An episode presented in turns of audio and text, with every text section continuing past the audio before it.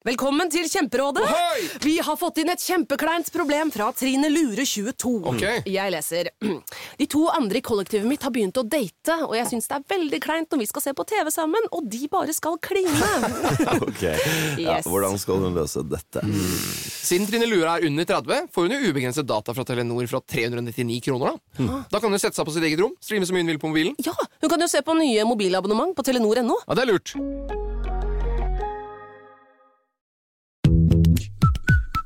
Hei og velkommen til Femihelse, en podkast om kvinnehelse fra A til Å. Og jeg heter Helene, Og jeg heter Sigrun. og vi har startet denne podkasten fordi vi mener at det bør snakkes mye mer om kvinnehelse. Så la oss snakke. Hallo. Hallo! Hvordan går det? Du, det går eh, bra. Det går veldig fint. Hvordan går det med deg? Um, det går fint. Jeg prøvde å sitte og tenke, tenke på sånn eh, ja, Hva har jeg gjort det siste? Hva har jeg gjort det siste? Sånn 100% hjernestand som jeg kan få av og til. Mm. Spesielt hvis noen spør meg om noe konkret. Ja. Altså sånn, Var du i helgen? Jeg vet ikke. jeg vet ikke, jeg har ikke peiling. Nei. Så, Men du har fortalt meg hva du har gjort i helgen. Hva jeg, gjorde jeg? jeg vet det.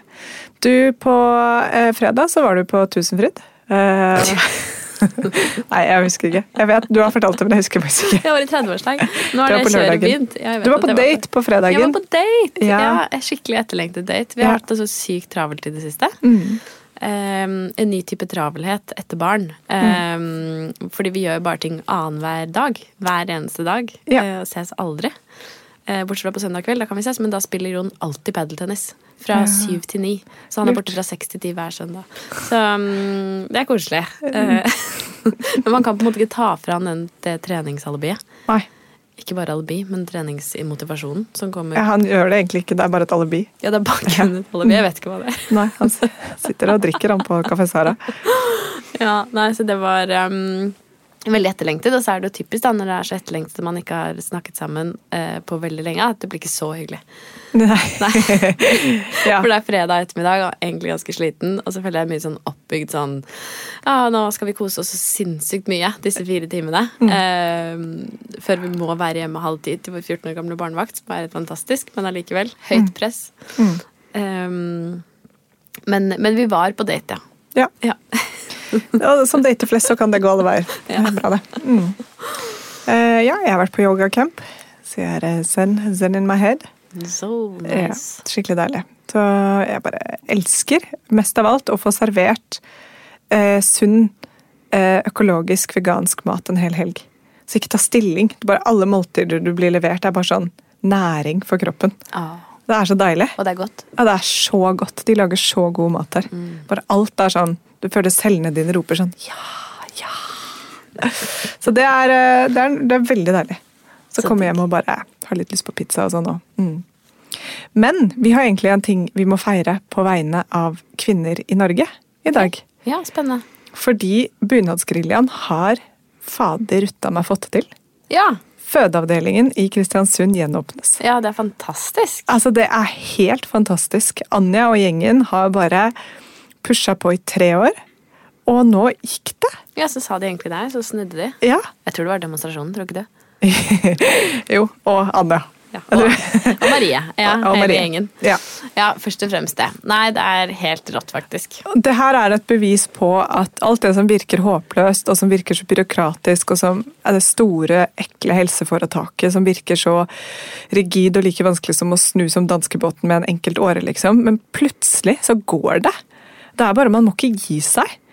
Og jeg vet at Bunadsgeriljaen, eh, de aktive medlemmene der, har jo kjent på det å stå i kamp i mange år, og det er dritslitsomt. Vi har kjent på hvor slitsomt det er, og vi har bare gjort det en liten periode. Men det er så tilfredsstillende når det faktisk funker. Og når det kommer til hele dette fødsel, svangerskap, barselopprøret som vi på en måte har kasta oss inn i og blitt med på som en del av eh, viljen til å løfte det opp og frem, så kjenner jeg sånn Det kan virke så håpløst, men det er faktisk ikke det.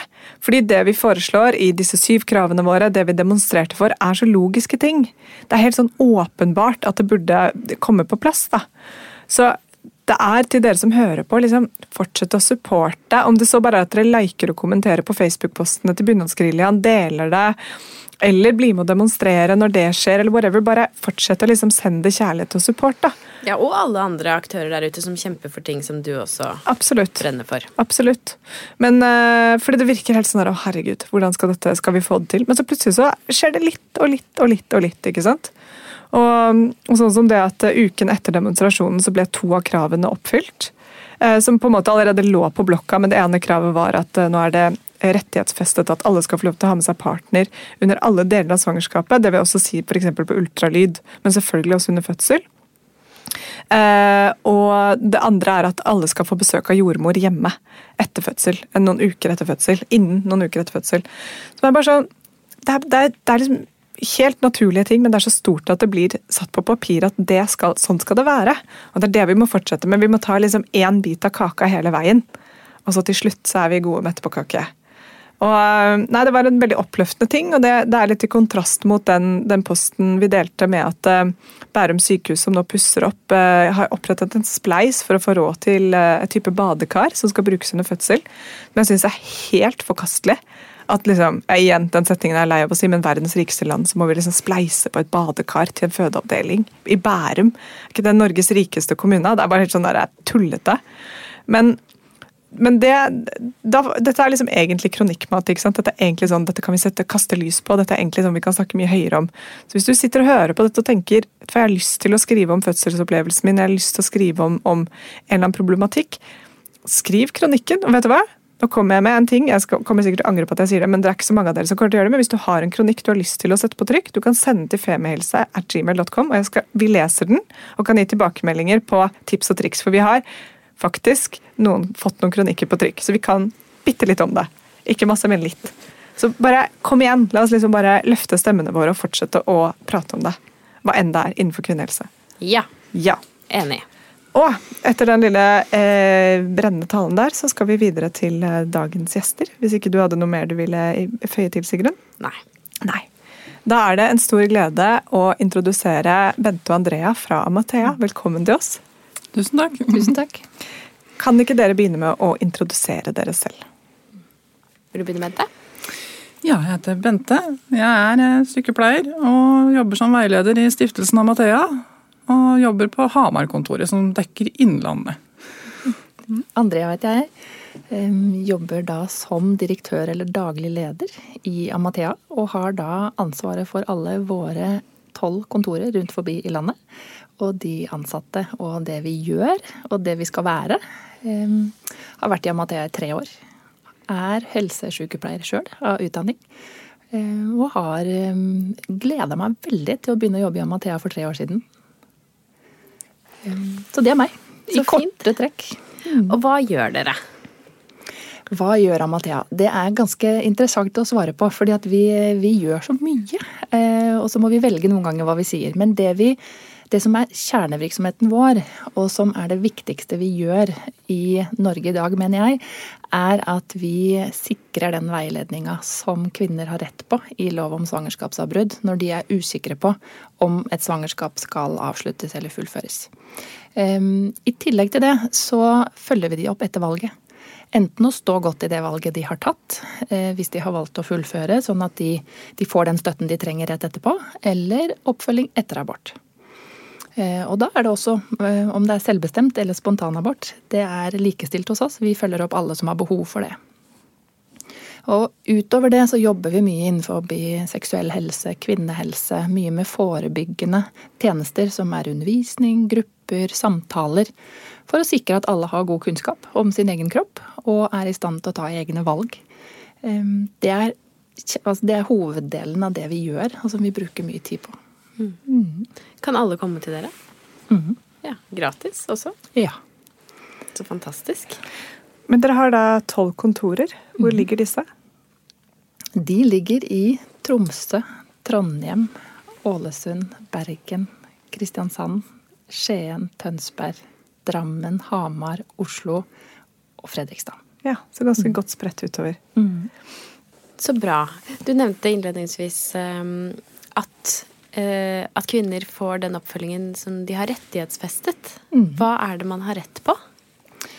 I Norge i dag så har du eh, som kvinne så har du rett på å få den informasjonen om de støtteordningene som fins, og det å få hjelp til å ta et valg om du skal fullføre eller avslutte eh, svangerskapet som du, som du er i. Um, og det, det som er interessant med det, er at man har rett på det, men ikke alle vet om at de har rett på det. Eh, og det er kanskje en av de, de store tingene som, som, vi ser det er behov for, er nettopp at det er flere som skal bli klar over det. At de har, de har rett på den, den veiledninga, informasjonen og oppfølginga som, som, de trenger. Ja, ikke sant. Og hvordan gjør dere det, da? Eh, Fra Mathea sin side så prøver vi å jobbe ganske tett på både sykehusene, eh, på kommunehelsetjenesten med, med fastleger, jordmødre, helsesykepleiere, andre som møter den målgruppa som vi, vi vet eh, finnes. Men det er ulike aldre på den, da, så den er så, det er ikke så lett å treffe akkurat. Men vi prøver å jobbe tett på samarbeidspartnere, sånn at de, de vet om tilbudet. Mm. Vi prøver å bruke en del midler selv på å markedsføre og synliggjøre det vi er for de som trenger det. Og så er vi avhengig av at vi blir informert om for våre tjenester, og at vi informerer om de andre tjenestene som finnes tilgjengelig for de som, de som trenger det. Mm. Mm. Nå er nok Amathea kjent for ganske mange, eh, men vi snakket litt om det på bakrommet i sted, at Amathea også har et sånt gammelt spøkelse som følger litt med seg som en eh, på en måte antiabortorganisasjon. Mm -hmm. Kan du fortelle litt om bakgrunnen det, at vi bare kan legge den vekk i en skuff, den forestillingen der? Ja, det kan jeg. For det du sier der, Helene, om at vi har med oss et spøkelse, så er det rett og slett noe som handler om det som ble etablert i 1978. Da ble stiftelsen Alternativ til abort ble etablert i Norge. Og det var egentlig en sånn, et ønske om å ha et annet alternativ enn at abort skulle være det selvfølgelige valget for alle som var gravide og usikre. Mm. Eh, og det som, det som, var opprinnelsen, var jo veldig ildsjelbasert eh, rundt forbi i Norge av helsepersonell. Som ønsket og hadde som en, som en verdi, egentlig, å, å, verne om det ufødte liv. Eh, og være et alternativ, så det skulle være et reelt valg for, det, for de som var usikre. Og fram til 2003 så het vi Alternativ til abort. Fra 2003 så het vi Amathea. Uh, og fra uh, fram til 2003 så var vi helt unike stiftelser. Alle stiftelsene, da var vi 19 stykker, de var selvstendige. Så det vil si at man hadde Man driftet sin egen stiftelse, så hadde man et landsråd, tror jeg det var det de kalte det. Eh, fra 2003 så ble det gjort veldig store endringer. Vi skifta navn til Amathea. Eh, vi ble én stiftelse i hele landet med tilhørende lokalkontorer. Og det ble gjort mye organisatoriske grep for at vi skulle både kvalitetssikre og at vi skulle styre i riktig retning til å bli det Amathea er i dag. Og det er å være en nøytral tjeneste som alle kan ta kontakt med, og som skal få hjelp til sin vei til sitt valg. Hva var det som drev frem den endringen, da? Det var et ønske om å kunne veilede eh, og møte de eh, som trenger hjelp, i nettopp det de trengte. Å finne sitt valg, og ikke at det skulle være en, en mening eller en, eh, en, tanke eller et verdisyn fra de som jobbet i, i Amathea, som skulle være grunnlaget for det valget som skulle tas. Så det var rett og slett å gi det kvinnene trengte. Um, og det som er, det som er interessant, og som mange, mange kanskje ikke veit, er jo at vi veileda og hjalp også kvinner til å gjennomføre abort helt fra 1978 og fram til 2003 også. Men det er på en måte ikke blitt med som en del av historien. Eh, så vi har ikke bare hatt en intensjon om at vi skal sikre at eh, jenter og kvinner fram til 2003 skulle, eh, skulle fullføre svangerskapet. Vi skulle også da, og vi gjorde det, veileda også til det valget de ønsket å ta selv. Mm. Og vi fulgte de opp etterpå. Mm. Så det er en historiedel som ikke har fått lov til å bli med helt. Men jeg skjønner de som er skeptiske, som husker oss som det vi var. Men som ikke veit hva vi egentlig er i dag. Mm. Og det var jo en annen tid, ikke sant. Det var jo en mm. annen sånn stigma rundt det å bli eh, få barn utenfor ekteskap og sånn, mm. var jo større for 30 år siden enn det er i dag. Absolutt. Uh, selv om det er litt sånn rart å tenke på. Så Um, ja, så det, så det der å åpne opp for at, um, at man skal få lov til å velge selv, at man faktisk ville beholde barnet, var en del av den historien også. Um, og ikke føle seg tvunget til abort. Mm. Men Bente, du har jo nå eh, jobbet i til, var det 15 år? 15 år, ja. 15 år. Um, hvordan har du opplevd denne, dette skiftet? For da kom jo du selvfølgelig inn etter at um, eh, Amathea hadde blitt Amathea. Følte du da at um, hele organisasjonen på en måte var uh, på, den, på ny kjøl, for å si det sånn? Eller uh, opplever du at det har vært eh, Eller er det noe som man bærer med seg på en eller annen måte? Ja, jeg jeg merka ikke at det var eh, noe av det, det gamle blant veilederne når jeg begynte for 15 år siden. Men jeg merker det mer når jeg var som ny, nyansatt i Amathea og skulle ut og markedsføre. Eh, så møtte jeg deg og kjente på det når jeg var ute på legekontor og andre steder. Hvor vi da ble møtt med den gamle historien vår. Da. Det, det, vi, det det en gang var, ikke det det hadde blitt. Og da måtte man jo gjøre en jobb i å forklare hvordan, hvordan jobber jeg, hvordan jobber Amathea. Og det er klart at Hadde det vært som det var før, så hadde, det ikke, et, hadde ikke kvinnen hatt et reelt valg, egentlig. Hvis hun hadde kommet til oss da. For da var eh, Føler jeg, da. For at da hadde, du, da hadde det liksom vært en intensjon der om at du helst skulle fullføre. Og det er jo ikke sånn det er i dag. Intensjonen vår er jo at hun, hos, eller paret, eller hun, skal ta et valg som hun mener er riktig. da. Hvis du lander trygt, kommer inn i et rom som er trygt, hvor du kan reflektere høyt, eh, holdt på å si føle høyt, si noe om hvordan du har det, eh, og kanskje få noen spørsmål og bli veileda sånn at du kjenner at dette her lander jeg på, dette her er mitt valg. Det var kanskje litt vanskelig valg, men det er mitt valg. Kan du fortelle litt om hvem det er du møter? Å si noe om akkurat denne type kvinner møter jeg, det blir, går ikke. For Men vi møter du par? Ja, Møter du kvinner alene? Ja, vi møter kvinner alene, vi møter par, og vi møter også menn som kommer alene. Eh, Men det er mest kvinner, selvfølgelig. Men òg mer og mer par. Og vi I alle aldre, eller? Ja, for så vidt, men det er mest sånn eh, fra kanskje 22-23 opp til 40 pluss. Mm. Og da er det ulike typer problemstillinger som de har med, tar med til deg? Ja, Av ulike årsaker da, så er det jo da en utfordring å skulle være gravid. Ehm, Det kan være at selve graviditeten er et problem for noen. Og så kan det være at det er graviditeten ehm, At det dukker opp en graviditet gjør at de problemene du har ellers i livet blir for veldig for sterke. Eller at du kjenner på at er, er jeg virkelig, eller, eller er vi i en livssituasjon hvor det ville være fornuftig å bære, fullføre svangerskap, og at det blir et barn av det. Um, og da er det jo mange, det er jo mange grunner til det. Det kan jo være alt fra økonomi til at de er midt i en skilsmisse, at de er veldig uenige om valget. Eh, kanskje den ene av dem har barn fra før, som begynner å bli store. Den andre har ikke barn fra før, men kjenner på at det hadde vært fint å få egne barn. Ehm, og så blir de litt uenige, da. Og så kommer de til oss. Og noen er kanskje til og med egentlig helt enige, men har ikke skjønt det. Fordi at det kvinnen og mann, Mars og Venus, snakker to forskjellige språk.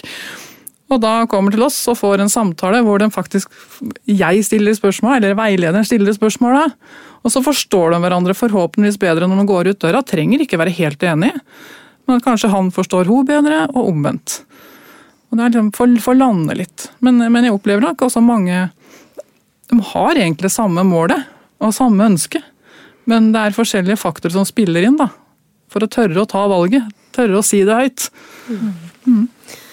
Men um, Andrea, opplever du at samfunnet er i utgangspunktet da, rigget for å veilede kvinner og familier i disse typer problemstillingene? Får vi den eh, oppfølgingen vi trenger, uten å nødvendigvis måtte, måtte oppsøke den selv? Jeg har lyst til å dele litt i to. fordi at jeg, jeg tenker at altså I Amathea så er dette spisskompetansen vår. Vi har, vi har lang erfaring, og vi har, eh, har en metode som vi kaller Amathea-metoden. Som vi bruker, som, som gjør at vi, eh, vi gir en god veiledning til de som tar kontakt med oss. Eh, Jeg tror det som er utfordringen, er informasjonen om hvor du kan få hjelp. Fordi det er ikke bare vi som møter denne målgruppa, eller de som er usikre. Det er alle i helsevesenet gjør det. Men det å vite at det faktisk går an å enten snakke med fastlegen sin, eller med jordmoren sin, eller ta kontakt med Amathea, eller at det er andre tjenester rundt du faktisk kan snakke med dette om, det tror jeg mangler. Og jeg tror det er veldig mange som ønsker å hjelpe, jeg tror det er mange som kan hjelpe. Så jeg tror vi er rigga for å, å, å, ta de imot. Vi tror nok at vi trenger litt mer ressurser hvis vi skal dekke alles behov. Men jeg tror samfunnet generelt er rigga til det i den kompetansen og de tjenestene vi har i Norge. Um, og det, det, er en av de tingene vi er nødt til å, å jobbe sammen om. Og som Mathea ønsker å være en ordentlig bidragsyter inn. Spesielt på det faglige i det også. Mm. Så jeg tror det handler om informasjon, jeg tror det handler om ressurser som vi mangler litt. Og så tror jeg vi er rigga til til å kunne veilede på en god måte. Mm. Jeg føler de historiene vi, i hvert fall vi ofte får, da, er eh, fra kvinner som har vært gjennom en abort, enten en planlagt eller en spontan abort, og som opplever ofte å bli sluppet eh, mm. når de kommer eh, ja, har gjennomgått aborten, da. Mm. Uavhengig av måten den er gjennomført på. Så Eh, og at det er lite informasjon å få, eh, spesielt kanskje på en planlagt abort, om hva, hva skjer nå? Eh, hva, hva, med meg? Hva, eh, hvilke følelser kan jeg forvente mm. å gjennomgå? Eh, hva hvis det ikke går så bra? Mm. Eh, og nettopp liksom den å føle at det er et nettverk rundt deg utenfor dine nærmeste, da, som er nettopp liksom fagkompetanse som du kan ta kontakt med. Mm.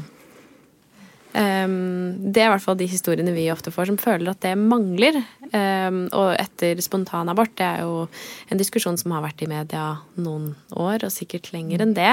Um, nettopp hva man skal kunne forvente der. Hvor Sverige har jo nå satt opp i hvert fall tilbud om noen samtaler som man kan få etter spontanabort. Og det er jo noe vi ikke har i Norge. På samme måte, du får jo ikke noe, det er ikke noe sykemelding for sorg. Det er ikke noe, noe tilbud om det. Hva, hva tenker dere om, om den oppfølgingen der? Det er i hvert fall veldig viktig at kvinnene får informasjon om at det finnes et tilbud. Og, ehm, og så snakka du, du, jeg må bare, For du sa noe om ehm, hva slags eh, følelser og reaksjoner kan jeg forvente. Og det kan være litt skummelt å, å si noe, du kommer, kan føle dette og dette og dette. Eh, ja, du, jeg forstår at du ikke mente det, men jeg syns det er litt viktig å påpeke. For det er ikke noe, det er ikke noe fasit på hva du føler etterpå.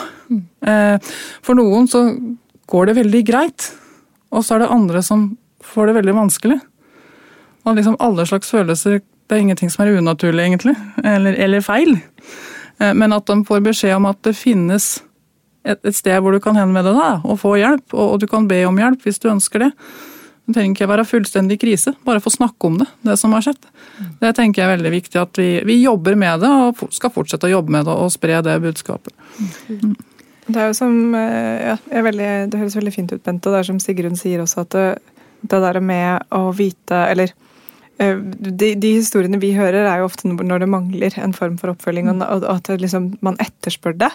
Og, og, min opplevelse er at mange også har uh, Det er litt som Det er litt bitte i samme kategori også som fødselsopplevelser hvor fødselen eh, gikk dårlig, eller hvor man opplevde den dårlig, at, at man kanskje ikke tar det inn over seg før det har gått noen år. Og, og det tenker jeg at det er viktig å, å uh, si høyt. At det kan være at uh, altså, aborten uh, er ikke noe man har tenker på før man kanskje får barn selv. Eh, senere, eller at man opplever noe annet i livet som kan trigge det. Mm. Og det å vite at det, det, er liksom ingen utgangsdato på når man skal jobbe med noe som plutselig kan mm. oppleves som et traume. Og det trenger ikke å være at det føltes ut som det da en gang. Da var det bare en lettelse, det var helt riktig. Og det fortsatt er helt riktig. Mm. Men det går an å føle begge deler samtidig. da. Mm. Det var helt riktig, men nå syns jeg det er vondt. Mm. Og det tenker jeg at er liksom en sånn derre Det er lov. Mm. Mm. Jeg er helt enig, Helene. Og, og en ting som er litt det du starta med i dag, i forhold til hva det man har fått igjennom, eller hva det barselopprøret har, har, eh, har sørga for. da. Eller bunadsgeriljaen. Bu, unnskyld, bunadsgeriljaen. Um, se på deg og tenke barselopprør, for det var en del av det. Eh, det, som, det, som er, det som er viktig å vite, tenker jeg da, er jo at i Norge så har du rett på oppfølging etter spontanabort. Den er lovfesta, den ble vedtatt av Stortinget for to år siden. Selvbestemt abort har du ikke rett på oppfølging. Eh, det er ikke, det er ikke vedtatt, det ligger ikke i abortloven sånn som det er i dag. Og sånn fungerer det jo litt i helsevesenet, at det du har rett på, det er også det som man sikrer, eller som man jobber mot at skal være tilgjengelig. Og den oppfølginga etter abort, den tenker jeg den bør likestilles eh, når det gjelder retten til oppfølging etterpå. Og så er en av de tingene som er utfordrende i Norge, og også internasjonalt, det er at vi vet for lite. Er det, hvordan er det etter selvbestemt abort? Spesielt, vi vet mer på spontanabort eh, for kvinner. Hva er behovene? Hvordan skal man gi, gi riktig hjelp? Eh, vi mener jo at det er mange som gir god hjelp, men det finnes ikke forskning som kan understøtte at dette vet vi fungerer. Og det er en av de viktigste tingene som jeg tenker vi er nødt til å satse på i Norge også. Vi må vite mer. Og oppfølgingen må, må, bli likestilt, da. Mm. Og det er helt rett, det er ikke noe, er ikke noe dato eller um, en tidsfrist på når er det dette kommer, det behovet for oppfølging. For vi møter jo mange som sier at akkurat når de har gjennomført aborten på sykehuset eller hjemme, så er det altfor mange ting som skjer. At de klarer ikke helt å, å, ta til seg informasjon, eller å tenke klart, eller å samle seg litt i å bearbeide det de har vært igjennom. Men det kommer etterpå. Og vi har jo eksempler på at det kan gå ganske mange år før de tar kontakt med Amathea og sier at 'jeg må snakke med noen om dette'. Så kan det typisk være noen ganger at de ikke klarer helt å skille på er det en sorg jeg kjenner på, eller angrer jeg? Og så blander de de litt store følelsene der sånn, og så er det det de har behov for, er nettopp å rydde i det. Hva er det jeg egentlig kjenner på? Mm. Mm. Og så kan det kanskje være noen òg som føler en lettelse etter å ha tatt et, et stort valg, da, ha tatt abort, og kjenner faktisk på en lettelse. Og da kan det faktisk være godt å få støtte på at du føler en lettelse. For mange kan føle at det er litt tabu. altså Det er, det er litt feil det, kanskje å føle lettelse nå. Men jeg tenker at da er det jo viktig at du får et klapp på skuldra og, noen å prate med. ja, men du, du tok jo et tøft valg, men det var riktig for deg. Mm. Og det er lov å føle på lettelse etter å ha vært gjennom et såpass tøft valg. Mm. Akkurat som at det er, det er viktig for den som har opplevd en spontanabort, å få høre at det er ikke deg det er noe feil med. Det er ikke din feil. At du Ja. At du er fortsatt like verdifull som kvinne, da, selv om du kanskje har opplevd mange spontanaborter. Så er det like viktig å få høre at du er like verdifull og like mye kvinne om du velger å ta abort, og faktisk kanskje heller ikke ønsker å bli gravid igjen. Mm. Det er ikke sånn at alle kvinner vil ha barn, og det er lov. Og akkurat det med lettelse har jeg hørt uh, flere si. Man kanskje er kvalm og sliten av å være gravid og har ikke lyst på barnet i det hele tatt, med, kanskje spesifikt da med den personen de er blitt gravide med. Og som tar en abort og kjenner på en veldig lettelse. Mm. Og, men det betyr også at Eller det betyr heller ikke at, man, at den følelsen ikke kan endre seg. At man plutselig kan kjenne på noe annet senere. Mm. Så det er liksom eh, Det er derfor det er så fint at dere fins, da. Og at det er en mulighet til å ta opp telefonen og bare, vet du hva, jeg trenger bare å snakke ut om dette her. Nå sitter det litt fast oppi hodet. på en måte. Mm. Så det er jo en oppfordring til dere som lytter nå. da, at uh, hvis dere går rundt og kjenner at det gnager litt, eh, om det er en selvbestemt abort eller en spontanabort, så snakk med en venninne eh, eller noen i familien eller partner, eller ring Amathea. Ta kontakt med Amathea på en mm. eller annen måte. Mm. Og bare lufte litt, liksom. Fordi dette er Abort og spontanabort er um, altså Det er jo de eldste eh, hva skal jeg si, problemstillingene rundt fertilitet og det å være kvinne i, i verden. ikke sant? Mm. Og, og, abortmetoder og ulike liksom, og konflikt og problematikk og, og tilgjengelighet uh, har jo vært et, altså et, evig aktuelt tema, ikke sant? Mm. Um, så, så det, er, det, er, noe vi kvinner må bære. da, og Vi må bære byrden av å være de som skal ta det valget også. Mm. Og som kan føles så innmari urettferdig. Fordi det er faktisk vi som må velge det og ta abort eller ikke. Og så er det vi som må kjenne på kroppen og spontanabortere. Mm. Som vi har gjort i alle, alle år. Og det er eh, og det er lett å kjenne at, det er liksom, er, at man har gjort noe feil. Du har ikke det. Du bare er et, et kvinnedyr, på en måte. Prostet, Sigrid. Mm. Et kvinnedyr. Såkalt kvinnedyr. Mm. Og du spurte litt, Sigrun, innledningsvis. Er det, er, hvem kan ta kontakt? Kan alle ta kontakt? Um, og det er faktisk menn som tar kontakt fordi at de opplever at enten spontanaborten eller den provoserte eller selvbestemte aborten ble litt vanskelig. For de som menn òg. Hvordan, hvordan, skal jeg stå i dette? Hvordan skal jeg være en støtte for den som har vært igjennom det? Hvordan skal vi snakke om det? Um, og det å Jeg har bare lyst til å presisere det, at vi snakker også med, med menn da, om den opplevelsen etter, etter en abort. Mm. Mm. Hva slags informasjon er det uh, hvis dere gir til noen som kommer og er gravide og lurer på om de skal ta en abort, og som sier ok, ta, nei, jeg har valgt det, jeg, valg, jeg, skal ta det. Hva er det, dere, hva er det dere pleier å gi da? Da har jeg lyst til å spille ballen til Bente, for hun sitter med skoa på der. Mm -hmm. Nei, altså Vi gir jo noe informasjon da om selve abortprosessen. for det er Mange som spør om det. Hva skjer når jeg kommer til sykehuset? Eller noen trenger òg hjelp til å bestille seg timen. Eh, for de syns det er litt vanskelig å ta den telefonen. Eh, og da gjør jeg jo det. Eh, og så, Hvis de da spør om abortprosessen, så forklarer jeg litt rundt den. og så skal vi være forsiktige med å gi altfor mye medisinsk veiledning, for det, det hører sykehuset til. Mm. Det får de der, de som står i og jobber med det hele tida. Men vi, vi, gir jo noe, selvfølgelig. Og grunnen til at vi kan gi det, er jo at vi har et godt samarbeid med, med Gunn Pol og Gunn Føde. og At vi blir opplært det siste, eller i den prosessen, da, så vi kan gi det videre. Og så er det jo da, eh, som ble sagt her tidligere, at eh, hva slags Hvordan kommer jeg til å reagere etterpå? Det er det mange som spør om. Eller jeg er redd for å reagere slik og sånn. Og da kan jeg verken si at nei da, det skjer ikke, eller jeg kan heller ikke si at akkurat sånn vil du føle det. For da vil jo jeg liksom si at sånn skal du føle det. Ehm, men da må jeg jo si, som jeg sa i stad, at eh, alle slags reaksjoner er naturlige, egentlig. Ehm, men de, de, får tilbud da om en gang jeg vet at ok, hun skal inn til time neste uke.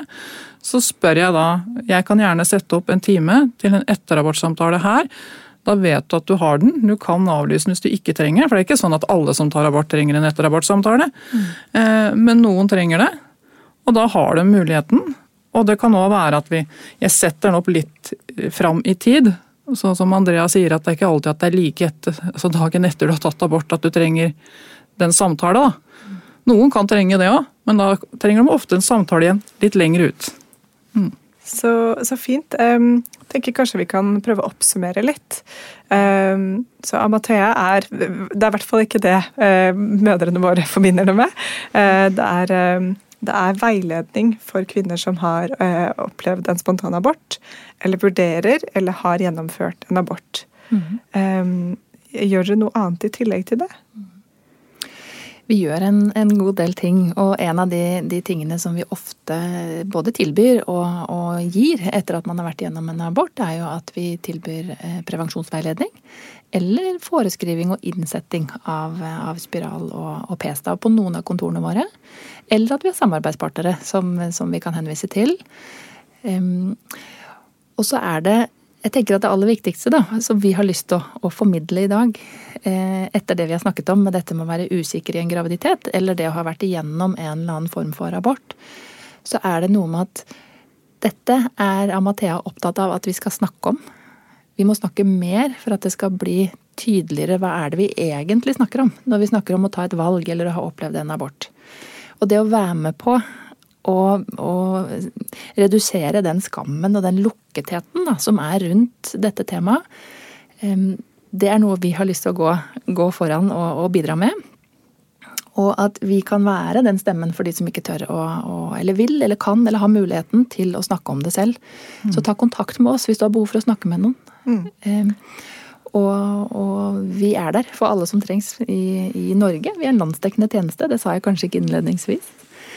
Men det å ta kontakt med oss om du trenger hjelp selv eller andre eller ikke vet hvor du skal få hjelp. Og mhm. husk at det er mange der ute, også i tillegg til Amathea, som, som dere kan ta kontakt med. Mm. Og så er det jo viktig å si at vi er ikke her bare for Kari og Ola Nordmann. Vi er her for alle. Eh, og vi bruker profesjonelle tolker hvis du ikke snakker norsk. Altså hvis du trenger hjelp til å formidle det du skal ha sagt. Så Så, og vi er ute i både opplæringssenter og asylmottak også, og har undervisning og informasjon og samtaler. Mm. Så fint. Og vi har jo også faktisk nylig sluppet en episode om abort med Mette Løkland, som eh, medikamentell abort, som man kan høre på hvis man vil eh, vite litt mer om hvordan det medisinske foregår. Um, og i den forbindelse så ser vi at det skjer ca. 10 000 aborter i Norge i året. Um, og jeg tenker at det, bare tilbake igjen til det at dette er en sånn byrde vi kvinner må bære.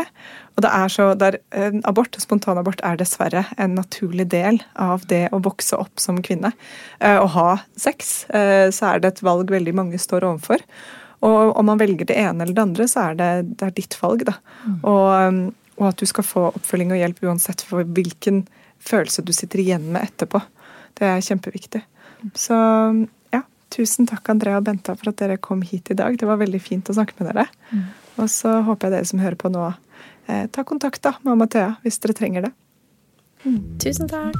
Takk for oss. Ha det. Tusen takk for at du hørte på podkasten vår. Selv om det forhåpentligvis kommer tydelig frem, så vil vi understreke at vi ikke er helsepersonell. Ja, så Som vanlig, kontakt legen din om du har noen spørsmål eller om du skal begynne på noen form for behandling. Og har du et tema som du har lyst til at vi skal snakke om, eller noe ris eller ros, så send oss gjerne en melding på Facebook eller på Instagram. Der finner du oss under Femihelse. Og du kan gjerne rate oss på iTunes, det er skikkelig hyggelig for oss. Ha en fin dag! Ha en kjempefin dag.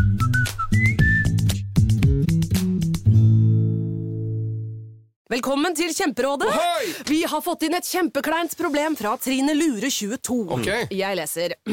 De to andre i kollektivet mitt har begynt å date, og jeg syns det er veldig kleint når vi skal se på TV sammen, og de bare skal kline.